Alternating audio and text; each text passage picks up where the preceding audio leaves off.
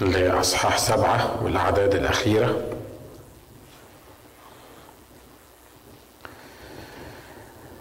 وعدد 13 لما بيقولوا أجاب واحد من الشيوخ قائلا لي هؤلاء المتسربلون بثياب البيض من هم ومن أين أتوا؟ فقلت له يا سيد أنت تعلم. فقال لي هؤلاء هم الذين أتوا من الضيقة العظيمة وقد غسلوا ثيابهم وبيضوا ثيابهم في دم الخروف. واتكلمنا عن الموضوع ده إنه ده بيمشي مع الرسول يوحنا برضه في الرسائل بتاعته لما بيقول إن دم يسوع المسيح ابنه يطهرنا من كل خطية.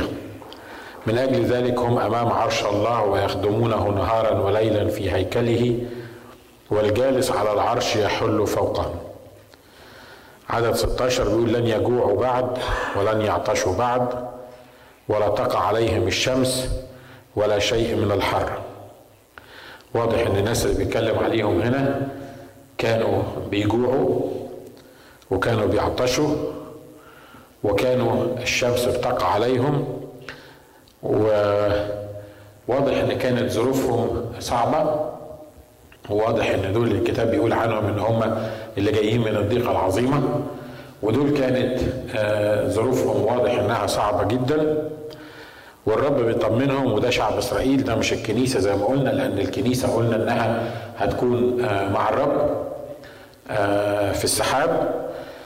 والرب هنا بيطمنهم بيقول لن يجوعوا بعد ولن يعطشوا بعد. هم كانوا بيجوعوا ويعطشوا ليه في العالم؟ لأن الكتاب بيقول إن اللي ما كانوش بيقبلوا سمة الوحش في الضيقة العظيمة اللي ما كانوش بيسجدوا للوحش وبيعبدوا الوحش دول اللي كان بيقع عليهم الاضطهاد وكل الجوع والمعاناة اللي كانوا بيعانوا منها. لكن الرب بيطمنهم بيقول لن يجوعوا بعد ولن يعطشوا بعد ولا تقع عليهم الشمس ولا شيء من الحر. في حتة مهمة هنا إحنا دايما كمؤمنين نتكلم عنها وبنقول إن الكلام ده علينا إحنا. واضح طبعا إن الكلام ده هيتم فينا. هو صحيح ما قالوش هنا. على مؤمنين الكنيسة لأن زي ما اتفقنا مؤمنين الكنيسة كانوا اختطفوا. لكن إن كان الشعب اليهودي شعب إسرائيل اللي في الضيقة العظيمة بيقول عليهم إن هم لن يجوعوا ولن يعطشوا فواضح إن إحنا مؤمنين مش هنبقى بنجوع ولا بنعطش. بس خلي بالكم من حاجة مهمة جدا إنه دايما إحنا بنستخدم الآيات دي كحاجة هتحصل في المستقبل. لما بنتكلم عن السماء لما نكون في ضيقة هنا أو في مشكلة أو نكون بنعاني بشكل أو بآخر أو ظروفنا متلخبطة شوية نقول لك يا أخونا إحنا بننتظر المدينة إحنا بننتظر السماء الكتاب قال مش هنجوع فيها ومش هنعطش ومش هيحصل ومش هيحصل. خلي بالكم إحنا بركاتنا في الأرض إحنا وارثين لإبراهيم وبركاتنا. بركات أرضية بركات أرضية سماوية إحنا مش محتاجين نستنى للسماء علشان نقدر نستمتع باللي الكتاب بيقوله هنا. أمين؟ هنا بيتكلم حرفيا على الناس بتوع إسرائيل. لكن إحنا بنتكلم عن اللي لينا هنا. إن كان الشعب في في القديم لن يجوع فده وعد الرب لينا إحنا في الأرض. مش بس لن نجوع للخبز وللأمور المادية لكن الكتاب قال طوبى للجياع والعطاش إلى البر لأنهم إيه؟ يشبعون. يعني إحنا المؤمنين وإحنا عايشين في برية هذا العالم الناس كلها ممكن تبقى جعانة إحنا ما نبقاش جعانين. ليه؟ لأن جوعنا أصلا وعطشنا هو للبر وطوبى للجياع والعطاش للبر لأنهم يشبعون. الناس زي ما قال الكتاب من يشرب من هذا الماء يعطش أيضا المية بتاعت العالم المية ال ال ال الحاجات اللي في العالم الشهرة والمال والغنى والعظمة وغيره وغيره دي المية بتاعت العالم الناس لما بتشرب منها ما حدش بيشبع مش كده؟ سمعتوا حد بيقول الحمد لله عندي فلوس كفاية أنا مش محتاج أعمل حاجة تاني لأن عندي فلوس كفاية. سمعتوها دي؟ ما بتحصلش مش كده؟ ما فيش حاجة اسمها فلوس كفاية عند العالم. ليه؟ لأنه مهما كان عندك ومهما قدرت تجمع ما حدش بيشبع. زي ما قال ال ال القول اللي بيقول إن العين ما بتشبعش من النظر. ما فيش حاجة بتشبع العين ما فيش حاجة بتشبع رغبات الإنسان لأن من يشرب من هذا الماء يعمل إيه؟ يعطش أيضا. أمال إحنا المؤمنين الكتاب بيقول لن يجوعوا ولن يعطشوا. في أشعياء بيقول هلم أيها الجياع والعطاش تعال اشتروا مني بلا فضة وبلا شبع وبلا وبلا تعب. لو أنتوا مش شبعانين لو انت مش مش عطشان لو انت بتشرب من هذا العالم وبتدور على اللي يشبعك في هذا العالم ويرويك تأكد انك مش هتلاقي حاجة تشبعك في هذا العالم. لكن إحنا كمؤمنين بيقول عننا الكتاب ان إحنا لا نجوع بعد ولن يعطشوا بعد ولا تقع عليهم الشمس ولا الحر. التقلبات الجويه ما بتفرقش معاهم. التقلبات الزمنية الأرضية ما بتفرقش معاهم. الكلام ده مكتوب عشان إحنا نعيشه هنا. صحيح حرفية الآية مكتوبة عشان إسرائيل وعشان الناس اللي في الضيقة العظيمة لكن إحنا روحيا المفروض بنستمتع بكل حاجة من الحاجات دي. بتلاقي المؤمن عايش تعبان وتعيس وحالته صعبة ويمكن حاطط نفسه في وضع مش لاقي ياكل و يعني مشاكله كتيرة. ولما تيجي تكلمه يقول لك ما إحنا مستنيين اليوم اللي يجي اللي الرب يدخلنا السماء علشان نفرح وننبسط ونعيش وما نجوعش وما نشربش. لا الرب عايزك تستمتع بحياتك على الأرض. آمين؟ الرب عايزنا ما نجوعش على الأرض وإحنا عايشين. أنا مش هستنى السماء لما أبقى سعيد لأن أنا في السماء هبقى سعيد. في أحلى من السماء؟ ما أنا عارف إن في السماء هبقى سعيد. لكن لو أنا مكتوب عليا الغلب والتعاسة والمشاكل والضيقات والألم ووجع القلب في الأرض وأنا عايش مستني الأبدية عشان الرب يغير حياتي فيها أبقى أنا في حياتي حاجة غلط أبقى أنا مؤمن تعبان أبقى أنا مش فاهم الكتاب. ده مش معناه إن وإحنا عايشين في الأرض ما يبقاش عندنا مشاكل لأن لو في حد فيكم ما عندوش مشاكل يبقى يقابلني بعد الاجتماع. ويحكي لي عن نفسه يعني. مش معناه إن إحنا ما بنتعبش ما بنمرضش؟ مش معناه إن إحنا ما بنخشش في ضيقات؟ لا ده واضح إن في العالم سيكون لكم ضيق. الكتاب قال كده في العالم سيكون لكم ضيق. وكثيرة هي بلايا الصديق وغيره وغيره. لكن اللي بيفرق معانا إحنا إن وإحنا في الظروف دي لن نجوع ولن نعطش والتقلبات بتاعت الشمس والحر والقمر وكل اللي بيحصل حوالينا ما بيأثرش فينا. تقول لي ليه ما بنحسش؟ ناس مش عاديين زي باقي الناس. لا بنحس بس إحنا مش عاديين زي باقي الناس. ليه؟ لأن الكتاب قال أنتم هيكل الله وروح الله يسكن إيه؟ يسكن فيكم لما يسكن في المسيح. بإمكانيات المسيح يبقى أقدر أعيش مع المسيح في فرح دائم في شبع وفي سرور وما جوعش والتقلبات اللي حواليا لا الشمس ولا الحر ولا أي حاجة تفرق معايا. موجودة؟ موجودة. في العالم سيكون لكم ضيق لكن اللي بيفرق لكن ثقوا أنا قد غلبت إيه؟ غلبت العالم.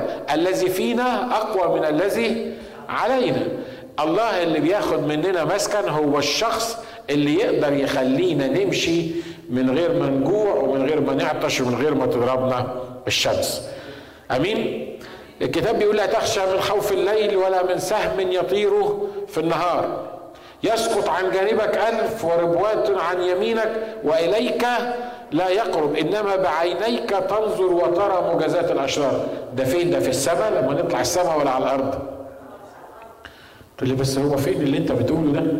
ما انت بتقول كلام لكن الواقع الحقيقة غير الكلام اللي انت بتقوله. الواقع ان إحنا عايشين في ضيقات وفي مشاكل وفي أزمات وفي تعب وفي خناقات وفي خلافات وفي يعني هو ده الواقع اللي إحنا عايشينه. ما نقدرش ننكر الواقع.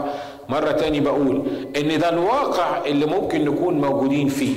لكن ثقوا أنا قد غلبت العالم. إحنا لينا النصر في شخص الرب يسوع المسيح. امين؟ في فرق بين انك انت لما تحصل لك مشكلة تزعل وفي فرق بين إنك تعيش طول حياتك مكتئب. في فرق بين إن تحصل المشكلة وإنت تحطها قدام الرب والرب يعينك فيها وفي فرق بين إنك بقالك عشرين سنة فاكر المشكلة اللي حصلت معاك من عشرين سنة وعايش فيها مش طايق حد يكلمك وكل ما يجي حد جنبك تبقى مشكلة. إنت ما تبقاش عايش في السماء. فين السماء بالظبط؟ قلنا الكلام ده أكتر من مرة. فين السماء بالظبط؟ هي المكان اللي فيه الرب يسوع. لو بيتك فيه الرب يسوع يبقى بيتك سماء لو قلبك فيه الرب يسوع يبقى قلبك سماء لو حواليك فيهم الرب يسوع تبقى انت موجود في السماء. ليه؟ لأن السماء هي مش مجرد مكان. السماء هو مكان التقاء الناس بالرب يسوع. ففي أي مشكلة في أي وضع في أي قضية بتقابل فيها الرب يسوع أنت في السماء. مهما كانت المشكلة مهما كانت القضية المشكلة الأساسية هي إنك مع الرب يسوع ولا لأ. امين عشان كده إحنا في العالم الكتاب لما صلى عشان الرب يسوع ما قالش أنا يا رب بسأل انك تأخذهم من العالم ليه؟ لأن دول المؤمنين الحلوين بتوعي وفي العالم سيكون لكم ضيق فيا رب أنا عايزك تاخدهم من العالم يسوع ما صلاش الصلاة دي مش كده؟ يسوع قال إيه؟ لست أسأل أن تأخذهم من العالم، يعني إيه؟ يعني خليهم في... طب ما أنت لسه بتقول يا رب إن في العالم سيكون لكم ضيق، يعني عايزنا نقعد في الضيق وفي المشاكل واللي إحنا موجودين فيه. لست أسأل أن تأخذهم من العالم بل أن تحفظهم من إيه؟ تحفظهم من الشرير. هو ده أساس الطلبة اللي طلبها الرب يسوع المسيح لينا. عدد 17 بيقول لن يجوعوا ولن يعطشوا ولا تقع عليهم الشمس ولا شيء من الحر. ليه؟ مش لأن هم ناس كويسين مش لأن هم ناس عملوا صالح مش لأن هم ناس حتى ماتوا في سبيل المسيح وسبيل الدفاع عن الكلمة بتاعته. لا.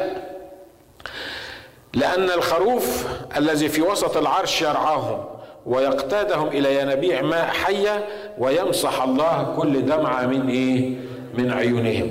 السبب اللي هيخلينا نستحمل الحر والشمس والجوع والعطش وتتحول هذه الأمور وتختفي هذه الأمور من حياتنا هي إن الخروف شخص الرب يسوع المسيح الذي في وسط العرش يرعاهم ويقتادهم إلى ينابيع ماء حية ويمسح الله كل دمعة من عيونهم. مرة تاني بقول إحنا كمؤمنين مش مستنيين لما نروح عنده للسماء علشان يرعانا ويقتادنا إلى ينابيع ماء حية.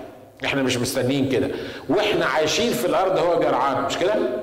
مزمور قريناه بتقول الرب راعية فلا يعوزني إيه؟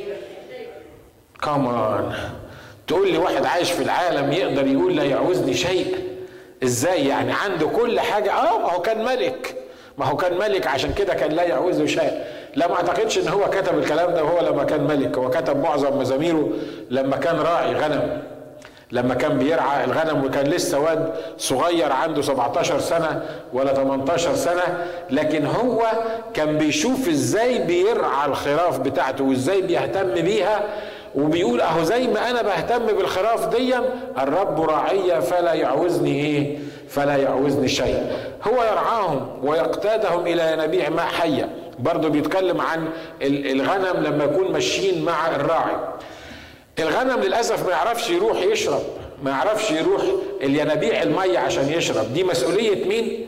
مسؤولية الراعي. الراعي هو اللي بياخدهم بيوديهم المية دي. الراعي هو اللي بياخدهم المية اللي تشبعهم. لأن لو ما خدهمش الراعي هم مش هيعرفوا يمشوا مش هيعرفوا يوصلوا للموضوع ده. وهنا الكتاب بيقول إنه يقتادهم إلى ينابيع ماء حية. الغنم الأرضيين بيقتادوا إلى ينابيع الماء اللي قال عنها الكتاب من يشرب منها يعطش إيه؟ أيضا. لكن اللي بيقتدنا ليه الرب يسوع المسيح هو ينابيع الماء الحية اللي بنشربها ونرتوي بيها وتحس إنك مختلف عن الآخرين. ومش بس كده ده بيطلع مننا أنهار ماء حي برضه للناس اللي إحنا بنتعامل معاهم. عشان كده بنقول إحنا كمؤمنين مش محتاجين نستنى السماء علشان نستمتع بالكلام ده. كم واحد في الأرض يقدر يقول الرب رعية فلا يعوزني شيء؟ مش كده؟ اذا فالسماء هي المكان اللي فيه الرب بيرعاني. ويمسح الله كل دمعة من إيه؟ وهنا بيقول في حاجة بتخليهم يدمعوا. مش كده ولا إيه؟ والحلو جدا في الكتاب بتاعنا إنه الكتاب بتاعنا واقعي. بيتكلم عن واقعية الإنسان إمكانيات الإنسان الحرب اللي بتواجه الإنسان. لكن إزاي الله بيتحرك في وسط هذه الظروف. لما يقول يمسح الله كل دمعة من عيونهم معناها إن هم بيتعرضوا لمواقف بتخليهم يبكوا. ومعناها إنه مش عيب إن هم يبكوا. وده مش عيب إن إحنا نبكي. يعني إحنا مطالبين برضو ان في وقت من الأوقات إن إحنا نبكي. why not لأن إحنا عايشين زي الناس في في العالم في المشاكل اللي إحنا بنعيش فيها. لكن خلي بالك إنك لما تبكي في واحد مستعد إنه يمسح الدموع اللي نازلة من إيه؟ إنه نازلة من عينيك هو ما قالش ان مش هيخلي عينيهم تدمع تاني. في السماء واضح ان مفيش بكاء. لكن أنا بتكلم عن الناس اللي في الأرض ما قالش إن هو هيوقف الدموع من عينيهم. هيخليهم يبقوا فرحانين جدا لدرجة إن هم مش هيدمعوا تاني. الكتاب ما قالش كده مش كده؟ لكن بيقول سيعمل إيه؟ سيمسح الله كل دمعة من إيه؟ من عيونهم. أنا مش عارف الكلام ده كبير علينا. أنا أنا بالنسبة لي كبير عليا كبير على تخيلي كبير على عقلي إن هو يحيط بي إن اللي بيمسح دموعي هو الله مش الإنسان.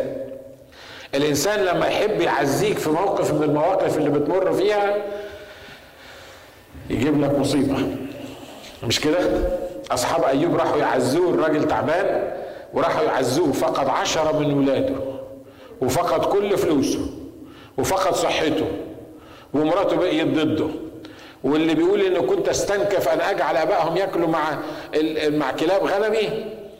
بصقوا عليا وشالوا رجلي وعدوا قدامي وأهانوني. خسر كل حاجة. أصحابه لما يروحوا يعزوه أول سبعة أيام ما فتحوش بقهم. ليه؟ من هول اللي شافوه. ويا ريتهم ما فتحوا بقهم لغاية الآخر. لما فتحوا بقهم واتكلموا قالوا له آه الشقاوة تنبت من الحجر. أنت أكيد أغضبت العلي أنت أكيد عملت حاجة. عشان كده ربنا بيجازي كل واحد حسب أعماله. دول اللي رايحين يعزوه. مش كده؟ بدل ما ياخدوا بإيده ويشجعوه ويقولوا كلام آه، آه، إيجابي عن الله لا ده هم بيقولوا له أنت السبب اللي عمل فيه كده. هو الناس كده. هي الناس لما تحب تقف جنبك كده. حتى المخلصين منهم اللي بيحاولوا يقفوا بيحاولوا يعملوا كل اللي عندهم. لكن الناس إمكانياتهم محدودة ما يقدروش يعملوا كتير. لكن الكتاب هنا بيقول إيه؟ ويرعاهم ويقتادهم إلى ينابيع ماء حيه ويمسح الله كل دمعة من إيه؟ كل دمعة من عيونهم. عشان نسيب الحتة دي آخر مرة أقول لك ودي يمكن تالت أو رابع مرة أقولها أنت مش محتاج تستنى السماء عشان تختبر الكلام ده. تقول لي ما نعرف يسوع مخلص شخص لحياتي. ده أنا اتجددت من 35 سنة أيام ما كان في نهضه في مصر ولا في العراق ولا في الأردن ولا في ده أنا أعرف يسوع دلوقتي بقالي يمكن 40 سنة بعرف يسوع. بس الكلام اللي أنت بتقوله ده مش كتير بختبره. أنا مش بتكلم عن اختبار تجديد أنا مش بتكلم عن اختبار تغيير. أنا بتكلم عن علاقة حية بشخص الرب يسوع المسيح يوميا واحد بتتكلم معاه بتسأله بيجاوبك وانت نايم بت بت بتحط نفسك بين إيديه وانت صاحي الصبح بتخشاه وبتحبه وبتتحرك من خلاله لأنه به نحيا ونتحرك ونوجد علاقة شخصية حقيقية بتحس فيها ان كل يوم بيرعاك وكل يوم يقردك إلى ينابيع ماء حي. لو ما حصلش كده في حياتك يبقى في حاجة غلط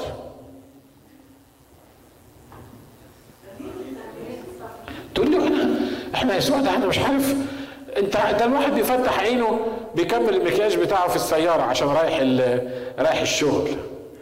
وبيرجع الساعة ستة يعني على الآخر. ما ما بفتكرش أنا الموضوعات اللي أنت بتتكلم عليها. ولا عجب لأنك ما بتفتكرش طول النهار يسوع علشان كده يومك ما بيفوتش. ومشاكلك بتجيبها معاك طالع داخل شايلها على كتفك وأنت نايم نايم في كابوس وأنت صاحي صاحي في مشكلة. وحالتك بلا صح؟ ها؟ نص نص عشان كده الرب هنا بيقول خلي بالكم يرعاهم ويقتادهم إلى نبيع ماء حيه ويمسح الله كل دمعة من عيونهم أصحاح 8 بيقول ولما فتح الختم السابع حدث سكون في السماء نحو نصف ساعة كلنا عارفين اللي أنا هقوله دلوقتي ودي وده ودي عبارات سلبية آه مرات كتيرة بنقولها. الله يسامحه اللي قال أنا ما أعرفش مين اللي اخترعها العبارة دي بيقول إن حصل سكوت نحو نصف ساعة لأن ما كانش فيه ستات في السماء. وبيدللوا بيقولوا شوف ما فيش السماء مش هيخشوها الستات عشان حصل سكون في السماء لمدة نص ساعة. واضح إنهم ما يقدروش يسكتوا لمدة نص ساعة يبقى ما فيش سكوت. أنا مش عارف مين اللي طلع الكلام ده لكن ده كلام سلبي مش مظبوط لأن السماء مليانة ستات ومليانة رجالة ومليانة ناس آه، آه، خطاة مغسلين بدم الرب يسوع المسيح بس هنا بيقول ولما فتح الختم السابع حدث سكوت في السماء نحو نصف ساعة ليه؟ إيه اللي حصل؟ السماء عمرها ما سكتت السماء ما كانش فيها سكوت إيه اللي حصل؟ ليه ليه ليه الناس آه، ساكتة ما بتتكلمش؟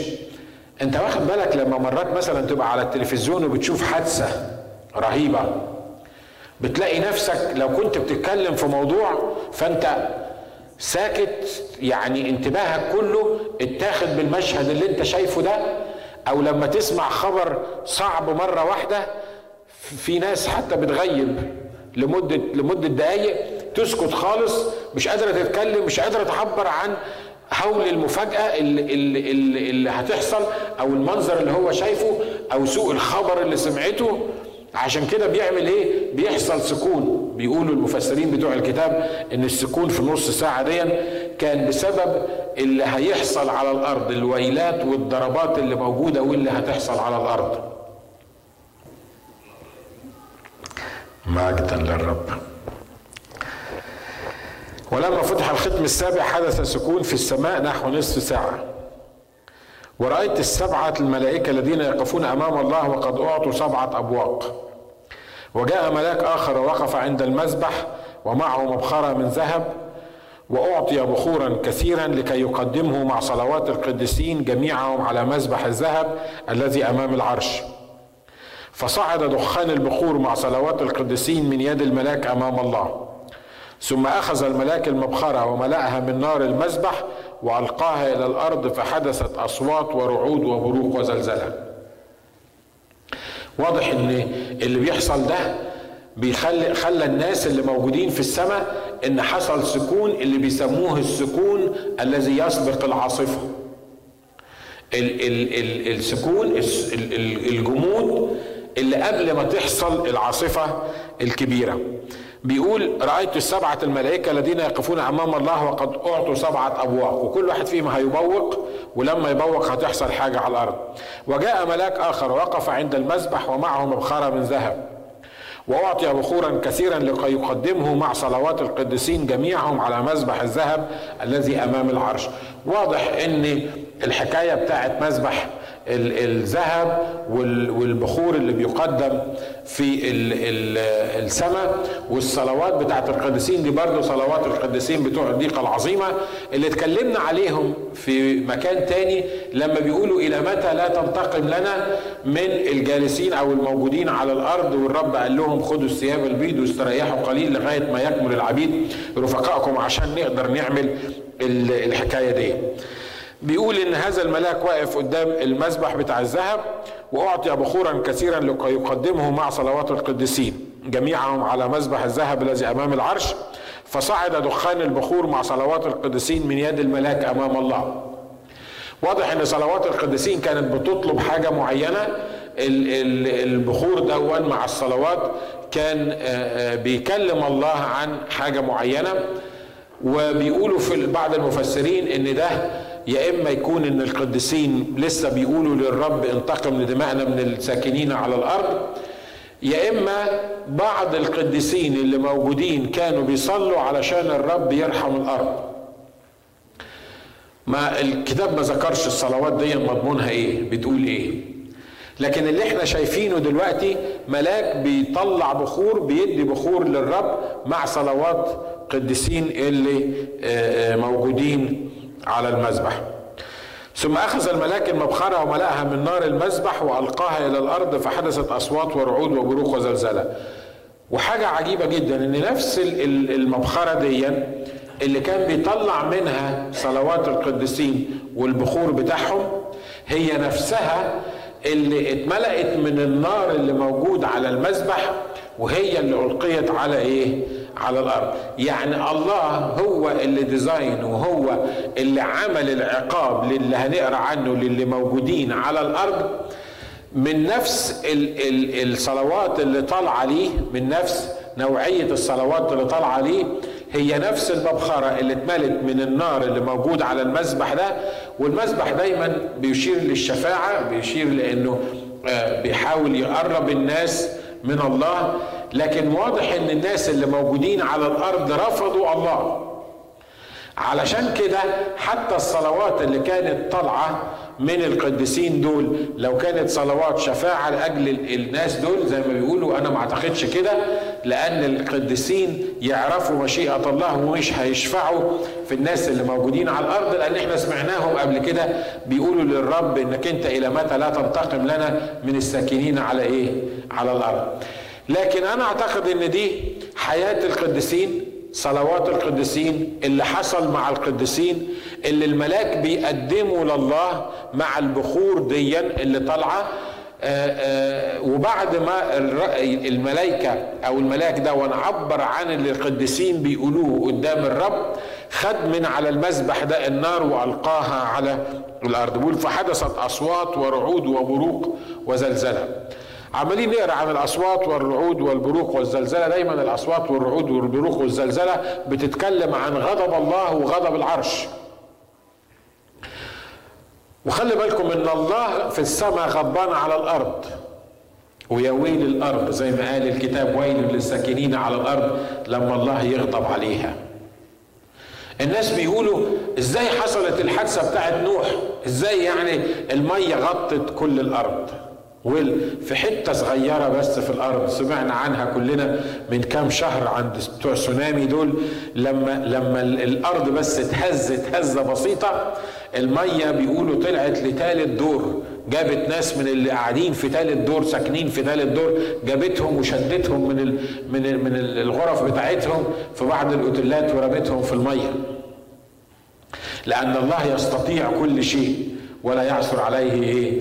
ولا يعثر عليه أمر المصيبة الأساسية بالنسبة للجالسين على الأرض دلوقتي إن السماء بقيت ضدهم.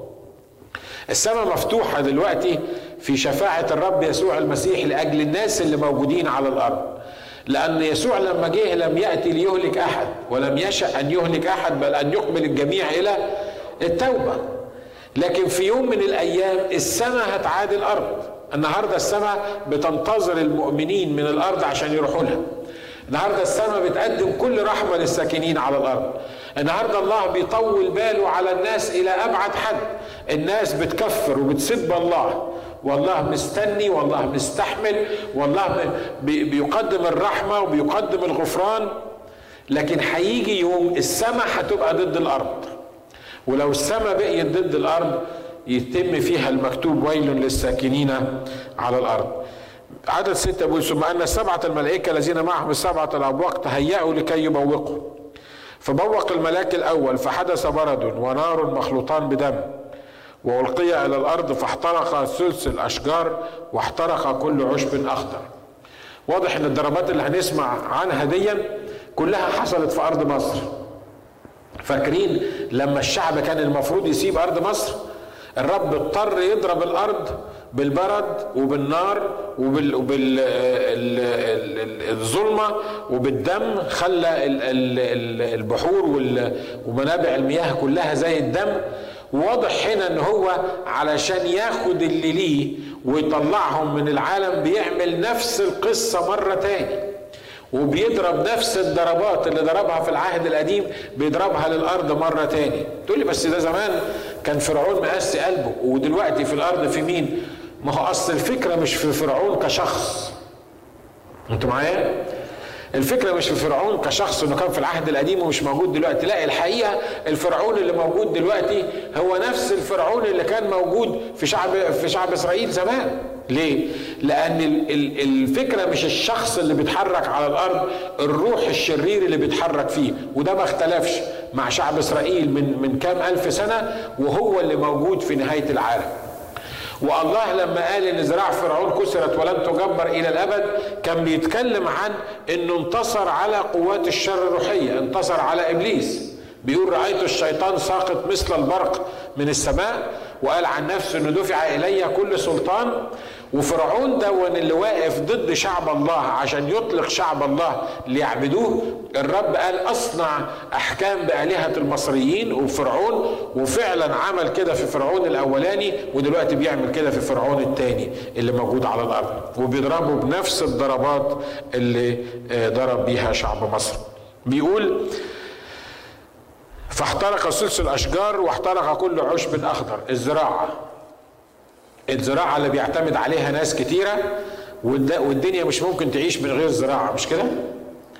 لما تقعد تفكر فيها تلاقي الزراعة داخلة في كل حاجة صحيح في صناعات كتيرة لكن معظم الصناعات قايمة على الحاجات الزراعية اللي بتحصل. فاحترق ثلث الأشجار واحترق كل عشب الأخضر. تخيل معايا كده لما تحصل حريقة تضيع تلت الأشجار اللي موجودة في أمريكا. تلت الأشجار اللي موجودة على الأرض. يعني مش هتنجو حتة ابدا من الأرض من حريقه مش كده؟ وكل ما كانت الأشجار كتيرة وكل ما كانت الغابات كتيرة كل ما الحرائق كانت موجودة. أنا بقول لك ليه الكلام ده؟ لأن عايزك تتخيله بذهنك.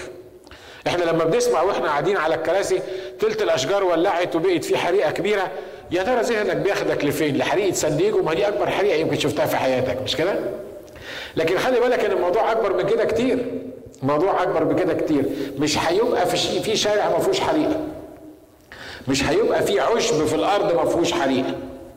مش هيبقى في غيط ولا ولا فيلد يعني بتاع زراعة مش موجود فيه حريقة. ليه؟ لأن الكتاب بيقول كده. بيقول إن احترق ثلث الاشجار واحترق كل عشب إيه؟ أخضر.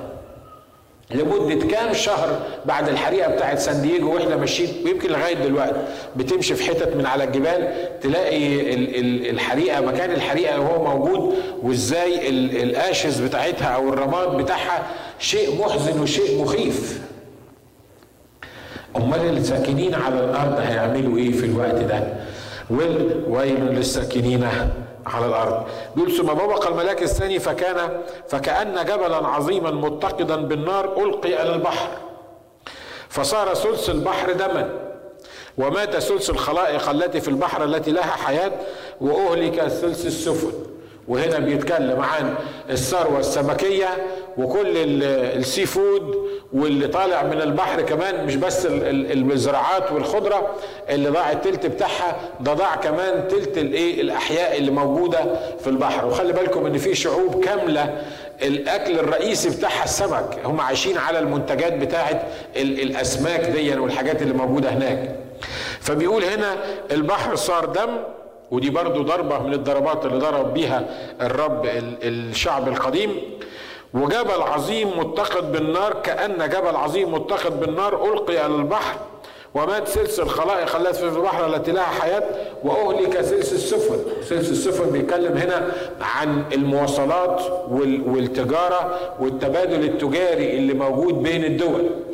خلي بالكم كون الصورة في ذهنك وانت موجود عشان لما كون الصورة دي تعرف تشكر الرب إن أنت مش هتكون موجود على الأرض.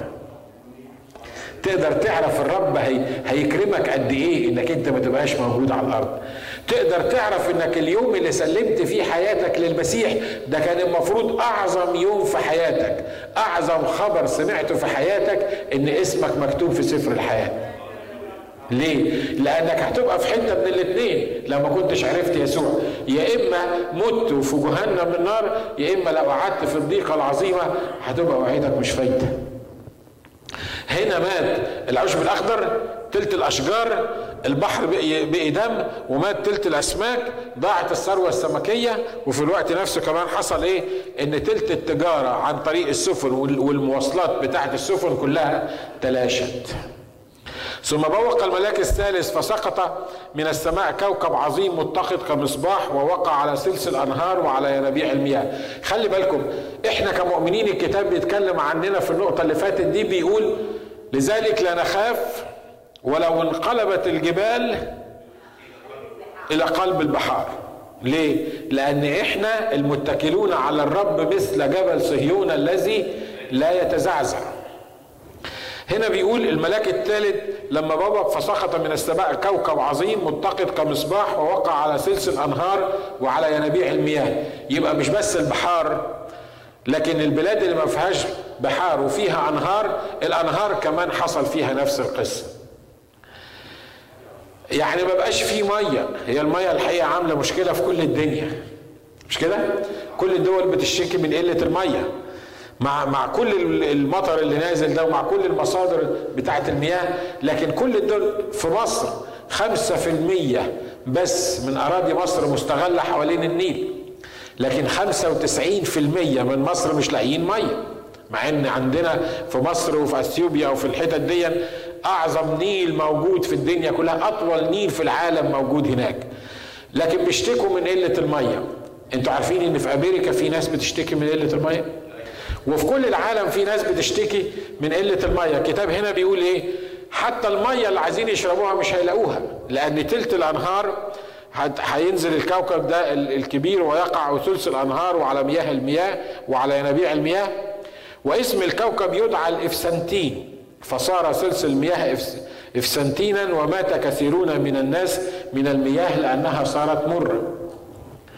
يعني الشجر ضاع والسمك ضاع والسفن ضاعت وحتى المية اللي موجودة بقيت مرة افسنتين يعني مرة مرة.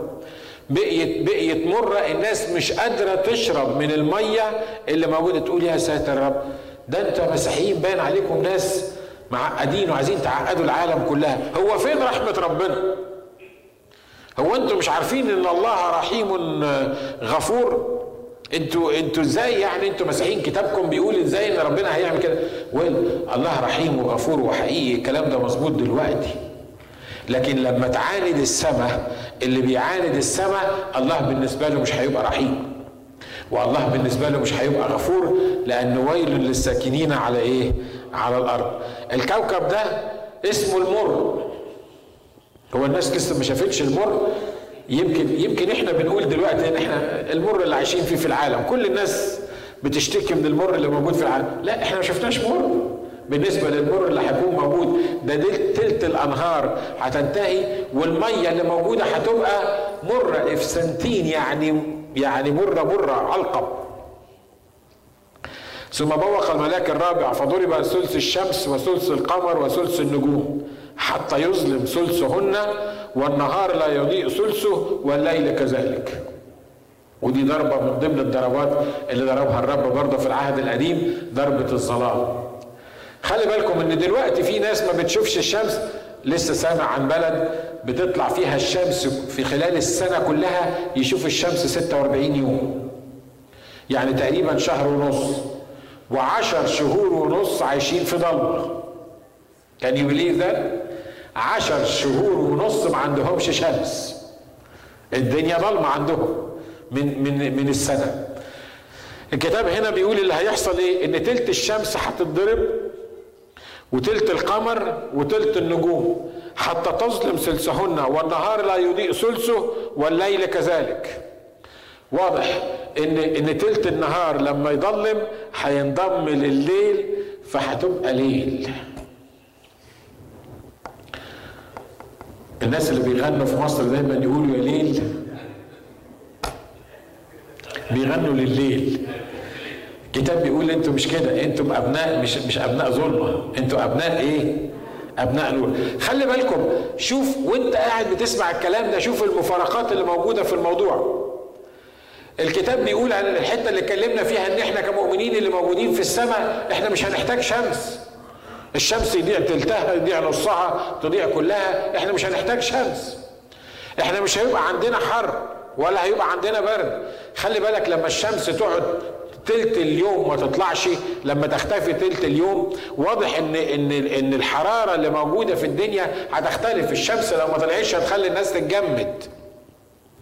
وحاجة عجيبة إن الناس يبقى في أماكن فيها برد وفيها نار مولعة في الأشجار وفيها نار بتاكل كل العشب والجبل عظيم متخذ كأنه بالنار نازل في البحر بيولع البحر وبيضيع السمك اللي فيه والمية اللي موجودة في النهر بقيت مرة الناس مش قادرة تشرب فيها وكمان الشمس ما بتطلعش تلت النهار.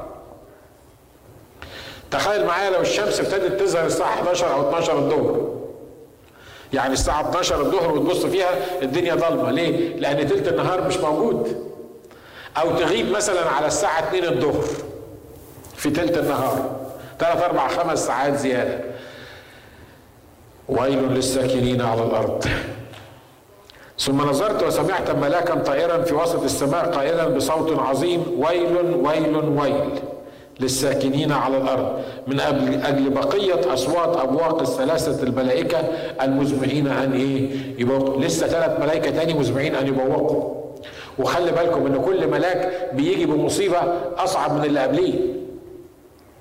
فهنا واضح ان إن الثلاث ملائكه اللي جايين هيبوقوا دول دول حاجة صعبة جدا هنقرأ عنهم بسرعة. في أصحاح تسعة بيقول ثم بوق الملاك الخامس فرأيت كوكبا قد سقط من السماء إلى الأرض وأعطي مفتاح بئر الهاوية.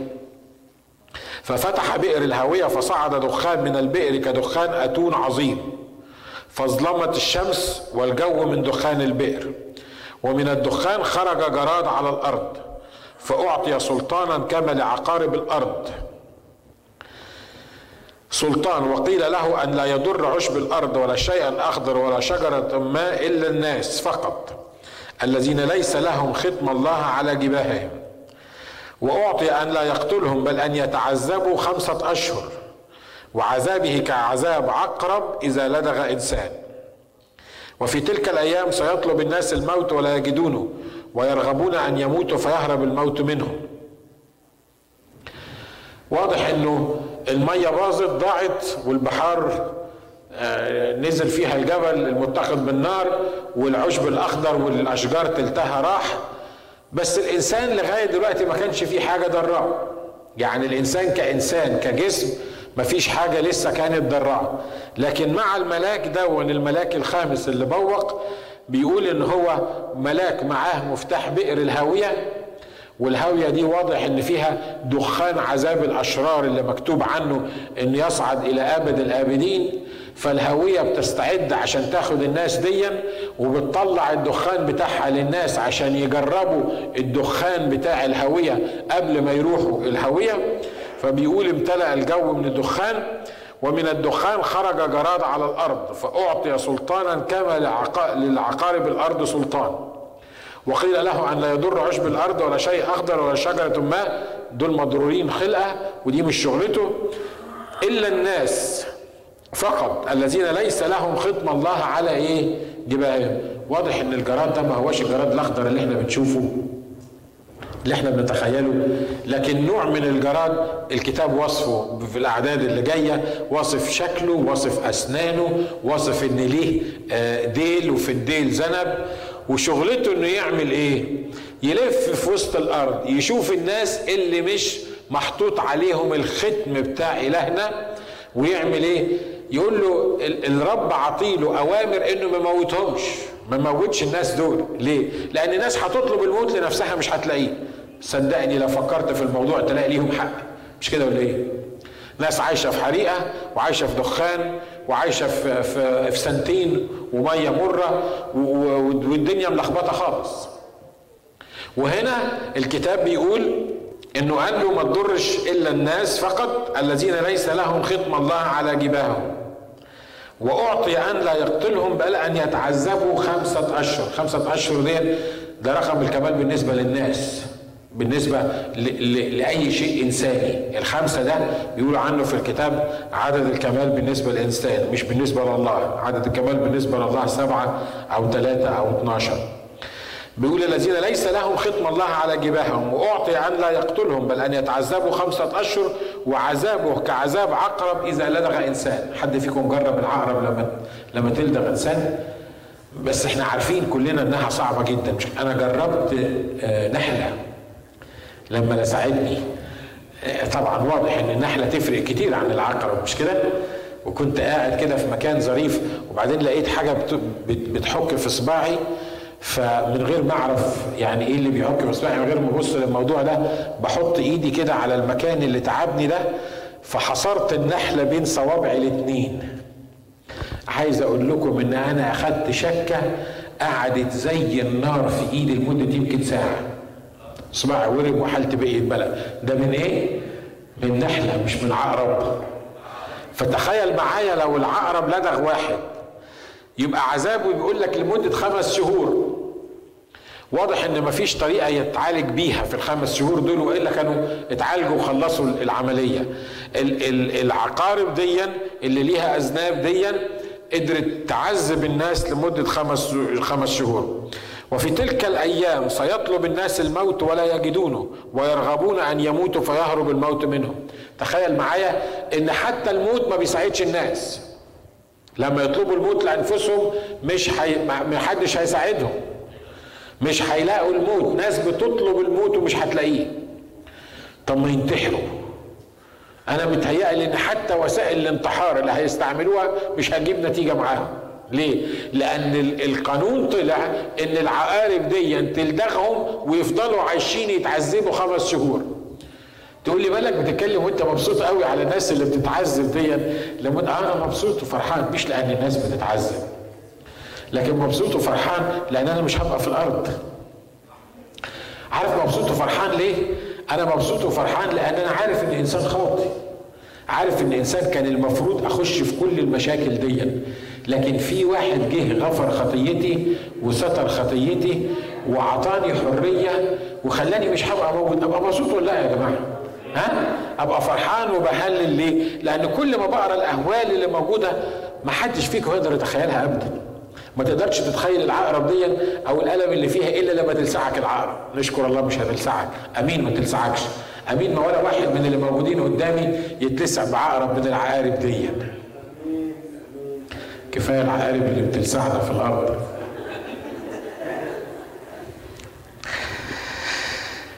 عذابك عذاب عقرب إذا لدغ إنسان وفي تلك الأيام سيطلب الناس الموت ولا يجدونه ويرغبون أن يموتوا فيهرب الموت منهم. عارف ليه هيطلبوا الموت ما لقوهوش؟ والموت هيهرب؟ لأن في يوم من الأيام قدم ليهم الحياة رفضوها اللي الرب يقدم له الحياة ويرفضها هيطلب الموت وما يلاقوهوش. الرب بيقدم الحياة المجانية الحياة الأبدية بيقول خرافي تسمع صوتي وأنا أعرفها وأنا أعطيها حياة أبدية ولن تهلك إلى الأبد. لكن الكتاب بيقول أحب الناس الظلم أكثر من النور. رفضوا الحياة. رئيس الحياة صلبوه. رئيس الحياة وقفوا ضده. رفضوا الحياة في المسيح. والنتيجة إن هم مش بس هياخدوا الموت ده هيطلبوا الموت مش هيلاقوه.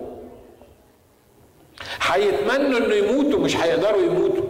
هيتمنوا إن الله يخلص عليهم ويقضي عليهم مش هيلاقوه. ليه؟ لأن هم زي ما قلنا في وقت من الأوقات رفضوا الحياة. الكتاب بيقول اختر الحياة فإيه؟ فتحيا. قدامك الموت وقدامك الحياة. أنت اللي بتحدد. تقول لي ليه الله بيعمل كده في الناس؟ الله ما عملش حاجة في الناس. الله جه عشان بيقول جئت لتكون لهم حياة وليكون لهم إيه؟ أفضل. أنا جيت عشان أديهم حياة. أنا جيت عشان حياتهم على الأرض دي أخليها أفضل حياة ممكن يستمتعوا بيها. لكن هم اللي رفضوا الحياة. عشان كده الله ملوش ذنب في الموضوع. أنا وأنتوا اللي لينا الذنب في الموضوع. لأنك لو ما اخترتش الحياة هتطلب الموت ما تلاقوهوش تقول نشكر الله إحنا الكنيسة مش هنبقى موجودين. أنا عايز أقول لك إن القانون ده بيطبق علينا دلوقتي. صح؟ في الأرض. لو ما اخترتش الرب يسوع المسيح في الأرض والحياة في الأرض وأنت على الأرض ممكن تطلب الموت ما تلاقوهوش ياما أشرار بيطلبوا الموت. سمعتوا حد بيطلب الموت لنفسه؟ صدقوني مش بس أشرار مؤمنين كمان. كم واحد فينا جه في وقت من الأوقات يا سلام يا رب لو تاخدني بقى كفاية. أنا زهقت. أنا عايز ربنا ياخدني. أنا أؤكد لكم إن 80% من اللي قاعدين قدامي مش عايز أقول 90 ومش عايز أقول 99 لكن يعني خلينا نقول 80% من اللي قدامي طلبوا الموت في وقت من الأوقات لأن هم قرفوا من حياتهم. أنت ما شفتش حاجة حبيبي. انت ما شفتش مشكلة في في, في الأرض. إحنا إحنا لو لو مالكش الحياة لو مالكش المسيح لو لو المسيح مش ساكن جواك وعايش جواك انت بتطلب الحياة على الأرض من هنا. بتطلب الموت على الأرض من هنا لكن ما بتلاقيهوش. والنهاردة عايز أقول لك انت اللي تطلب الحياة أو الموت. يسوع حط قدامك الاثنين. الله حط قدامك الاثنين. الحياة والموت. وقال لك اختر الحياة فإيه؟ فتحيا. لو ما اخترتش الحياة يحصل إيه؟ يبقى اوتوماتيكيا اخترت الموت. تقول لي لا أنا لا هختار الحياة ولا هختار الموت. ما هو مفيش إلا واحدة من الاثنين لو ما خدتش الحياة هتاخد الموت. لو ما قابلتش الحياة اللي هو شخص الرب يسوع المسيح يبقى اخترت الموت. لو ما سكنش فيك الحياة اللي هو شخص الرب يسوع المسيح اللي قال أنا هو الحياة القيامة والحياة يبقى سكن فيك إبليس اللي هو موت وهو ده اللي بيفتح بئر الهاوية ويطلع الدخان. من البئر كدخان أتون عظيم بيقول لك أظلمت الشمس والجو من دخان البئر. وشكل الجراد شكل شبه خيل مهيئة للحرب وعلى رؤوسها كأكاليل مش أكاليل كأكاليل شبه الذهب ووجوهها كوجوه الناس. وكان لها شعر كشعر النساء وكانت أسنانها كأسنان الأسود. وكان لها دروع كدروع من حديد وصوت أجنحتها كصوت مركبات خيل كثيرة تجري إلى القتال.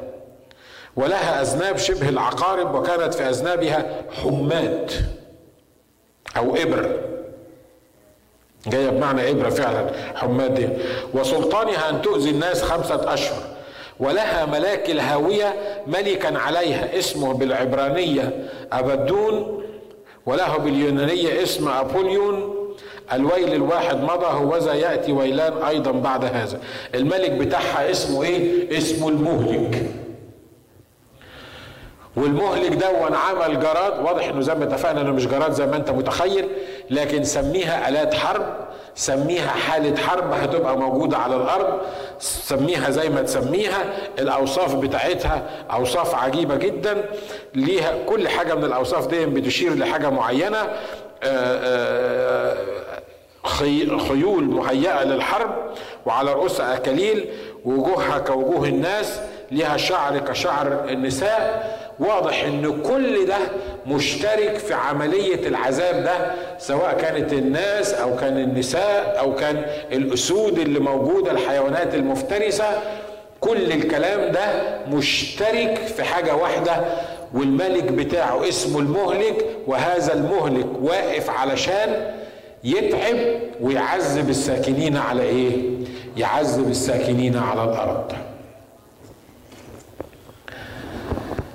ما تقول مجدا وهللويا.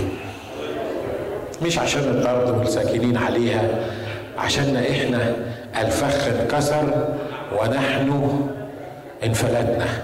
شفت قوة الكلام لما الرب بيتكلم؟ لما بيقول الفخ انكسر ونحن انفلتنا ما بيتكلمش عن مجرد الفخ اللي كنا بنحطه للعصفورة. صحيح هو بيشبه الموضوع ده. بيقول انفلتت أنفسنا مثل العصفور من فخ الإيه؟ لكن اللي إحنا انفلتنا منه ده كبير قوي.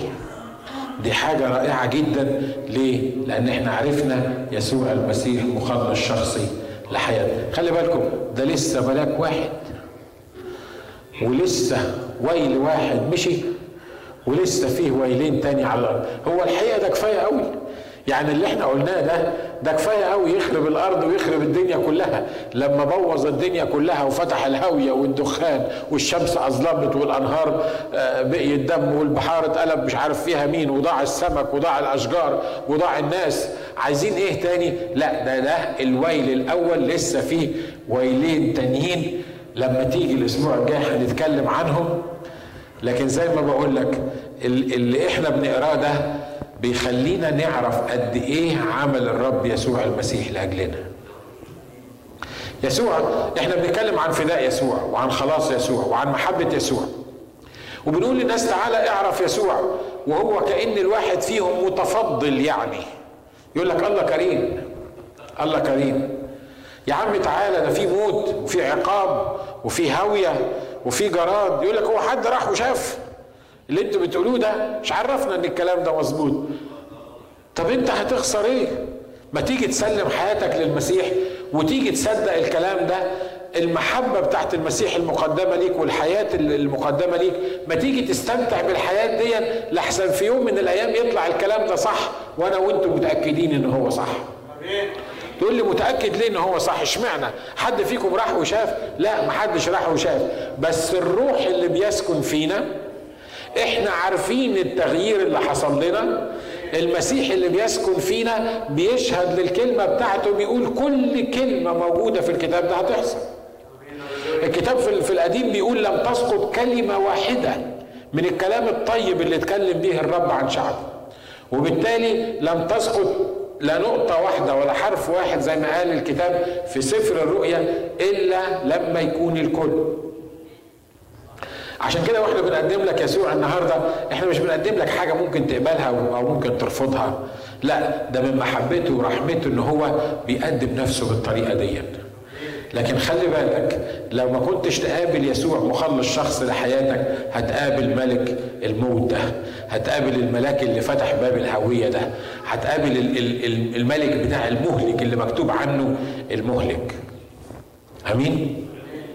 عشان كده نقدر نهتف ونقول نقلنا من الظلمة إلى ملكوت ابن إيه؟ ابن محبته. انظروا أية محبة أعطانا الله حتى ندعى أولاد الله. انظروا أية محبة، محبة أبدية أحببتك من أجل ذلك أدمت لك إيه؟ الرحمة. إيه رأيك لو تقوم تسلم على جنبك وتقول له أنا بهنيك الحياة الجديدة اللي خدتها في الرب يسوع المسيح أمين مجدا للرب مجدا أنا عارف نفسي إن كان مصيري جهنم النار الأبدية وبئس المصير زي ما بيقولوا. لكن بشكر الله لأني عوجت المستقيم ولم أجازه عليه فدى نفسي من العبور للحفرة الفخ انكسر ونحن انفلتنا. لذا لا نخاف. لو لو تزعزعت الجبال لو انقلبت الجبال في عمق البحار إحنا فرحانين وغالبين وهادفين لأن إلهنا الإله الجبار اللي يعرف ينقذ شعبه وعبيده في وقت التجربة. أمين؟ ما خلينا نقف.